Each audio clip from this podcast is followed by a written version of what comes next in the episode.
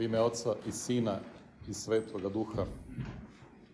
Danas čujemo kako je Gospod odlučio da napusti privremeno Galileju i da ode u zemlje neznabožački Tir i Sidon. Tir i Sidon su bili feničanski gradovi i tamo su živjeli, kako čujemo u ovom žargonu, Hananci. Hananci su, trogo uzevši, zapadno-semitsko pleme, ali Grci su ih nazivali Hanancima, misleći na Feničane. I žena Hananejka verovatno je bila Feničanka, pripadala je neznabošcima. I odnos jevreja prema Hanancima bio je otprilike sličan kao prema Samarjanima. Ne samo da sa njima nisu imali mnogo veze, nego su ih i prezirali u pravom smislu reči. Hristos odlučuje da napusti zemlju izabranog naroda i da kroči u novi svet, svet neznabožaca. I sad se vraćamo na onu priču o svadbi carevog sina. Šta je uradio car kad se niko nije odazvao na svadbu od onih koji su pozvani, jer je svako imao neka svoja posla, neka preča posla, on je rekao slugama idite na raskršća i tu zovite svakoga. I evo ga Hristos na raskršću.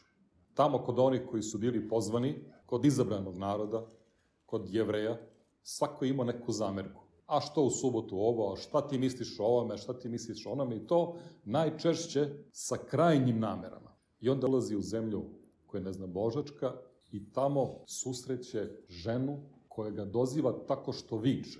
Ova žena je čula za Hrista. A čuti za Hrista ili za bilo šta u to vreme bilo je veoma teško. Ko živi u Tiru, Tir je njegov svet. Ko živi u Sidonu, Sidon je njegov svet. Ko živi u Jerusalimu, Jerusalim je njegov svet. Gradove i mesta su napuštali samo oni koji su išli u ratove i koji su trgovali. Vesti se nisu širile. Nije bilo novina, nije bilo interneta, nije bilo ničega. Do pojave Rimljana vesti nisu ni postojale. Sa Rimljanima došla je pošta i tad je vest počela da kruži. Pre Rima to je samo bio sve za sebe. I u tim okolnostima vesti o Hristu su se širile. Možemo samo da zamislimo kakav je utisak ostavljao gospod i koliko je to bilo novo i spasonosno za svet, kada su se u tim okolnostima vesti takvom brzinom širile. Žena Hananejka čula je o Hristu, osetila je. Možda je sam gospod otvorio srce i otvorio um. I ona je počela za njim da viče. Toliko je bila neprijatna sa tom vikom, da su učenici zamolili Hrista da je razreši, da je pomogne, da učini bilo šta. A Hristos je ćutao.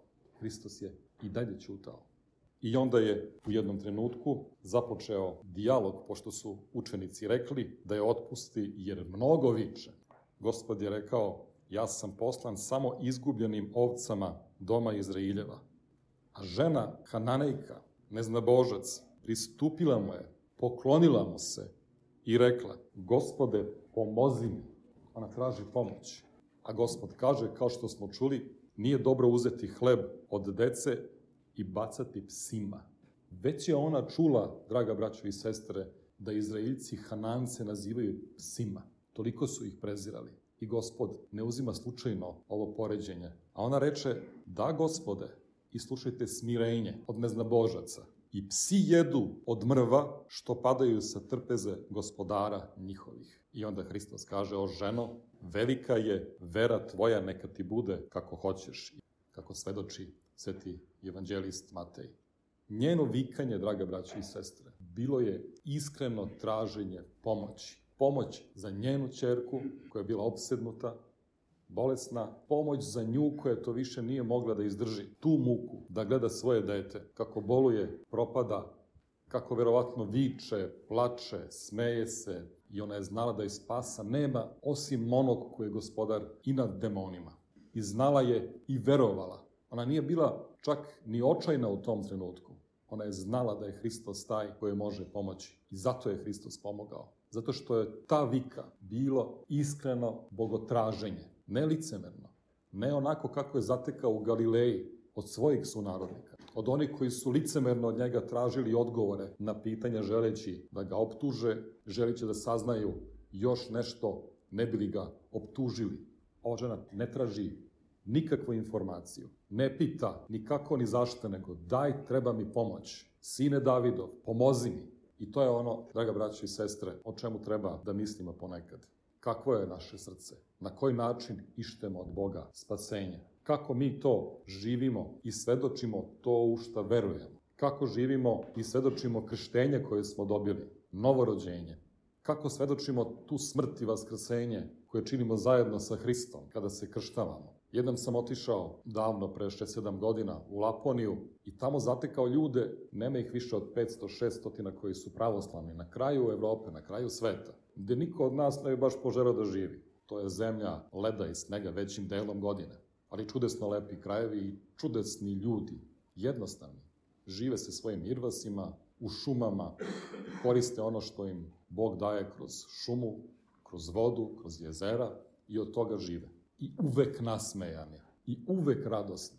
Tamo sam video jednu ikonu presvete Bogorodice koja blagosilja i pruža darove Laponije Laponcima. Ti darovi su nekoliko životinja, poneka riba i šumsko voće. Kažem, bez obzira na teške životne uslove, uvek srećni i nasmejani i zadovoljni svojim veoma skromnim životom koji neguju kao starosedeoci Evrope hiljadama godina i svog sveštenika ne pitaju jel se valja ovo, jel se ne valja ono. Tetka mi je rekla ovo, tetka mi je rekla ono. A oče, baš nije dobro što ono radite i ono što vladika radi, ni to nije baš najbolje, mislim drugačije da bi trebalo ovako ili onako. E, to su oni koji su Hrista stalno pitali, a šta ti misliš? A šta je potrebno za spasenje? A koje su najveće zapovesti? A što si iscelio u subotu? Sve znaju, a ništa ne znaju. A žena Hananejka, čiji posao je bio da trguju ne znaju za zakon, ne znaju za proroke, nego na onom raskršću dolaze i neko ih zove, kaže, ajde sad na svadbu, ženim svoga sina. Hananejka kaže, hoću. Ništa ne zna, a sve zna u isto vreme. Kaže, smiluj se na mene, sine Davida. Sinom Davidom je nazivan Mesija. Hananejka, druge boje kože, drugačije vere, drugačijeg načina života.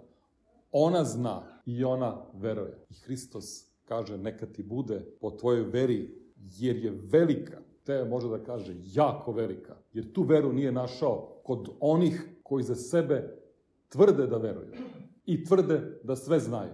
Nije našao veru, našao je samo sumnju. Samo sumnju i samo osuđivanje. Morao je da ode u Tiri Sidon, a to nije bilo nimalo lako. Svi ti karavani, svi ti odaci bili su pod neprestanom pretnjom razbojnika, Bez vojske niste mogli da radite ništa u to vreme. Ljudi su živjeli drugačije. Hristos, kao sin Božije, uzdao se u silu Božje anđele nebeski da će štititi nad svom bogočovečanskom putu. Ali svi ti putevi su bili teški.